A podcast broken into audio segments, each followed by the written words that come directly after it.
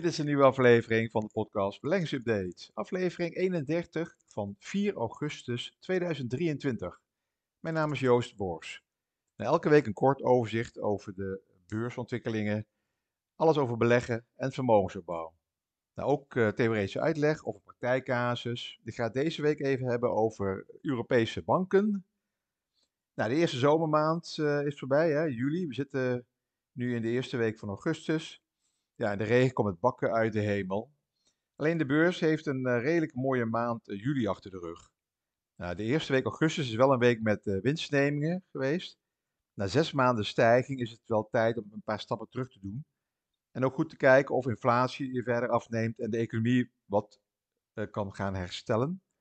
Nou, het bericht dat een ratinginstelling, een kredietratinginstelling in Amerika, Fitch, de Amerikaanse obligaties, Amerikaans schuldpapier, uh, downgrade van drie A'tjes naar twee A'tjes, ja, zorgde voor een koersdaling ja, de hoogste kredietwaardigheid is drie A'tjes. En daarmee kan je een relatief lage rente betalen, vergoeden voor je uitstaande schuld. Dus twee A'tjes betekent dat Amerika op de lange termijn wat duurder uit is, meer rente moet gaan betalen. Ja, dus dat, daar schrok men wel. Maar ik denk dat dat eigenlijk de katalysator was, met dat de beurs zo al een keer rijp was voor één of twee of drie dagen wat dalingen. Ja, voor uh, op langere termijn, wat we dus gezien hebben voor beleggers, ziet het er best wel zonnig uit. volgens verschillende beursstrategen zijn die Amerikaanse centrale bank en de Europese centrale bank wel zo goed als klaar met het dichtdraaien van de geldkraan. Terwijl de inflatie en economische groei wat aan het afnemen zijn. Ja, toch zijn er in Amerika nog maar weinig signalen van afnemende groei. vrijdag werd bekend dat Amerikanen in juni weer meer hebben uitgegeven dan verwacht terwijl de inkomens minder stegen. Je ziet ook dat de schuld, schulden bij de kredietinstellingen, de creditcards, enorm oplopen weer in Amerika. In dezelfde maand zette de daling van de inflatie door met, met een vertraging van 4,6 naar 4,1 op jaarbasis. Men had 4,2 verwacht. Dus de, de, op zich zijn de cijfers best gunstig. Maar, en de aanhoudende consumentenbestedingen en een vertraagde inflatie is best een goede omgeving voor uh, beleggers. Zo zie je ook dat de cijfers van bedrijfsleven het eerste half jaar allemaal best meevallen. Nou, de kans op een uh, aanstaande recessie in de grootste economie ter wereld, hè, Amerika, wordt door sommige strate strategen zeer klein geacht, terwijl de winstgroei van bedrijven wordt onderschat. Vooral de strategen van ING-bank zijn er nu, naast die van de ING-bank, zijn er meer concurrentstrategen die positiever worden over de aandelenmarkt bijvoorbeeld gisteren, uh, donderdag, waren bijvoorbeeld de strategen van de Amerikaanse banken, Citigroup en Morgan Stanley, die hun negatieve visie voor de aandelenbeurs hebben losgelaten. Ze voorzien nu dat de stijging een vervolg zal uh, gaan krijgen na de zomermaanden. En er zullen meer analisten kunnen volgen. Ze kunnen zich namelijk niet permitteren om de boot uh, te gaan missen. Niemand had natuurlijk deze enorme stijging verwacht in de eerste 4, 5, 6 maanden. Vooral niet van de technologieaandelen. En bovendien zijn er genoeg redenen om positief te zijn. De lang verwachte recessie in Amerika is toch een beetje uitgebleven. En op korte termijn zien de analisten het ook niet aankomen. En wereldwijd is er sprake van een beetje uh, desinflatie, deflatie. Niet helemaal deflatie, maar desinflatie. Dus een iets hardere dalende inflatie. Zie je vooral ook in China. En de centrale banken zijn met z'n allen toch een beetje klaar met die renteverhoging. Nou, die, die bedrijfsresultaten vallen in de meeste gevallen mee. Uh, Amerikaanse aandelen, het S&P 500-index. In de tweede helft van dit jaar uh, wordt er verder winstherstel verwacht. Nou, de strategen van de ING-bank zijn sowieso positief, maar ook de Rabobank gaat iets optimistischer en opportunistischer in aandelen beleggen. Ze zijn in de aandelenportefeuilles die actief worden beheerd, wat offensiever gaan beleggen en dan vooral aan de cyclische kant, de cyclische aandelen toevoegen. Nou, de cyclische aandelen, voor uh, mensen die het helemaal uh, weten, dat zijn aandelen van bedrijven die bovengemiddeld profiteren van economische voorspoed. Maar dan ook harder geraakt worden als het economisch tegenzit. Uh, met het opnemen van cyclische aandelen wordt er dus meer belegd in groeigedeelten, bijvoorbeeld van de IT-sector, Amerikanen, Amerikaanse bedrijven eh, vooral. Het grootste gewicht voor rekening gaan nemen binnen de Rabobank. Maar je hebt natuurlijk ook cyclische bedrijven, staal, scheepvaart, de industrie, consumenten duurzaam. Dat zijn allemaal sectoren in de cyclische hoek. Nou, nog wat bedrijfsnieuws vanuit de AX-index. Heineken kwam met cijfers, nou, die vielen tegen. Heineken heeft een, een moeilijke eerste helft gedraaid. Vooral in Vietnam ging het moeizamer. Daarnaast moesten ze natuurlijk in Rusland wat afboeken. Dus voor het hele jaar wordt die winstverwachting wat neerwaarts bijgesteld. Nou, dus daar, beleggers reageerden teleurgesteld. En maandag daalde die koers zo'n 6%. Daarna stabiliseerde het. Maar toen kreeg je natuurlijk de rest van de week de daling van de algehele beurs en brokkelde Heineken ook wat verder af. Ja, die uh, verlaagde prognose en het gevolg van een tegenvallende eerste half, uh, helft. Hè, dus ze hebben prognose verlaagd. En de nette omzet van 14 miljard. Dat was wel een groei van 6,6. Terwijl analisten hadden gerekend op een groei van 8,5. Maar die omzetgroei is ook een beetje deels te danken aan prijsverhogingen. Maar dat zie je bij heel veel bedrijven. Hè. Dus die volume in volume uh, valt het allemaal een beetje tegen, maar als je de prijzen verhoogt, dan uh, valt de totale omzet toch wel weer een beetje mee. Dus uh, zo ook bij Heineken. Ja, donderdag kwam ING met cijfers. Naast ING ook nog Wolters DSM, maar ING. Deze waren beter dan verwacht en echt flink hoger dan vorig jaar. ING heeft ook een inkoopprogramma, eigen aandelen van anderhalf miljard, wat ze, wat ze al hadden toegezegd.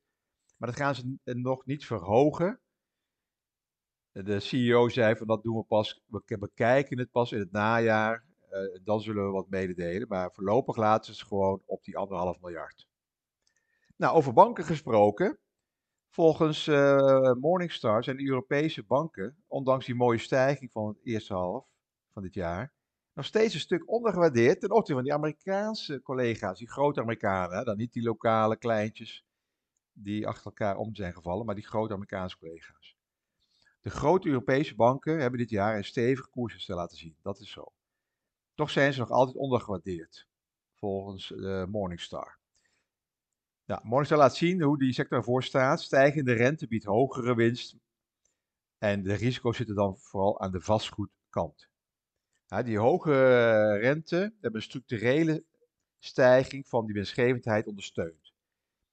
En gezien het feit dat die winstgevendheid structureel toeneemt na ruim 10 jaar te hebben geleden onder ultralage rentetarieven, verwacht uh, Morningstar dat de waarderingen uh, zouden gaan stijgen. Ze denken dat die netto rentemarges structureel hoger zullen blijven dan in de afgelopen periode. Sinds de financiële crisis van 2008 en de schuldencrisis in de eurozone van 2011-2012 hebben de Europese banken een ingrijpende herstructurering en schuldafbouw moeten doormaken, waarbij ze delen van hun activiteiten op de financiële markt hebben afgestoten om zich te concentreren op stabielere, voorspelbare, consumentengerelateerde onderdelen. Denk maar aan uh, kredieten, leningen en hypotheekverstrekkingen. Dus daar moesten die banken zich een beetje op gaan uh, focussen. Ook hadden ze te maken met dalende rentes. En daar is voortvloeiende daling van die netto rentemarge. Nou, dus die dingen zijn, de rentestijging helpt de banken eh, vooral. En eh, de consument is eh, toch wel redelijk nog actief op de hypotheekmarkt. En op het afsluiten van korte termijn kredieten voor aankoop van consumentengoederen. Maar ja, wat zijn dan die risico's? Dus de risico's die stijgende rente, dat is een, het positieve, maar die stijgende rente brengt ook wel risico's. Vooral op het vlak van orend goed. Dus banken moeten dus weer zorgen, kijken naar hun hypotheekportefeuille. kunnen mensen als straks de rente een vaste periode afloopt en de rentes uh, zijn aan de hoge kant, hypotheken moeten worden, uh, weer worden verlengd, hypotheekrentes, of daar problemen uit gaan voortkomen. En ook commercieel vastgoed heeft het moeilijk. En dat kunnen dus risico's zijn. Uh, dus de huizenmarkt en de commercieel vastgoed in heel Europa. En verder heb je natuurlijk ook bij banken, die zitten nog in de reorganisatiefase. Die Deutsche Bank, Commerzbank, Maar je hebt gezien wat er met is gebeurd. Als die reorganisaties te lang duren, dan, uh, ja, dan, dan, dan zijn aandeelhouders daar wel klaar mee. Nou, het aandelen, wat wel uh, item is voor banken, het aandeleninkoopprogramma, is door die recordwinsten bij Europese banken eigenlijk helemaal terug van weg geweest. Afgelopen week werd er voor circa 6 miljard euro aan aandeleninkopen aangekondigd. Dus banken gaan hun eigen aandelen inkopen, waardoor de rentabiliteit op lange termijn voor zittende aandeelhouders verbetert. Nou, afgelopen dinsdag kondigde de HSBC, dat is een van de grotere banken in de wereld, in Engeland gevestigd, om voor ongeveer 2 miljard euro eigen aandelen in te kopen. Dus voor geduldige, geduldige beleggers zijn Europese banken op lange termijn dus nog steeds een goede optie. Ze bieden aantrekkelijke dividendrendementen, eh, hoog dividendrendement, met potentieel ook nog een pluspunt, het inkoop van eigen aandelen. Dat ondersteunt de koers. Dus dat uh, zijn uh, factoren die uh, voor de bankensector in Europa gaan gelden. Een onderwaardering volgens Morningstar, de hoge dividendrendementen en de mogelijkheid van aandelen inkopen. Nou, welke vinden zij dan interessant? Het is altijd een beetje moeilijk hoe zij dat berekenen. Maar ze komen met uh, ING Bank. Nou, dat zie je ook uh, afgelopen dagen weer op de beurs met mooie cijfers. En uh, Lloyds, Lloyds in Engeland, Britse Lloyds. Daar zien ze toch nog zo'n 40% upside potential en ING zo'n 30% upside potential.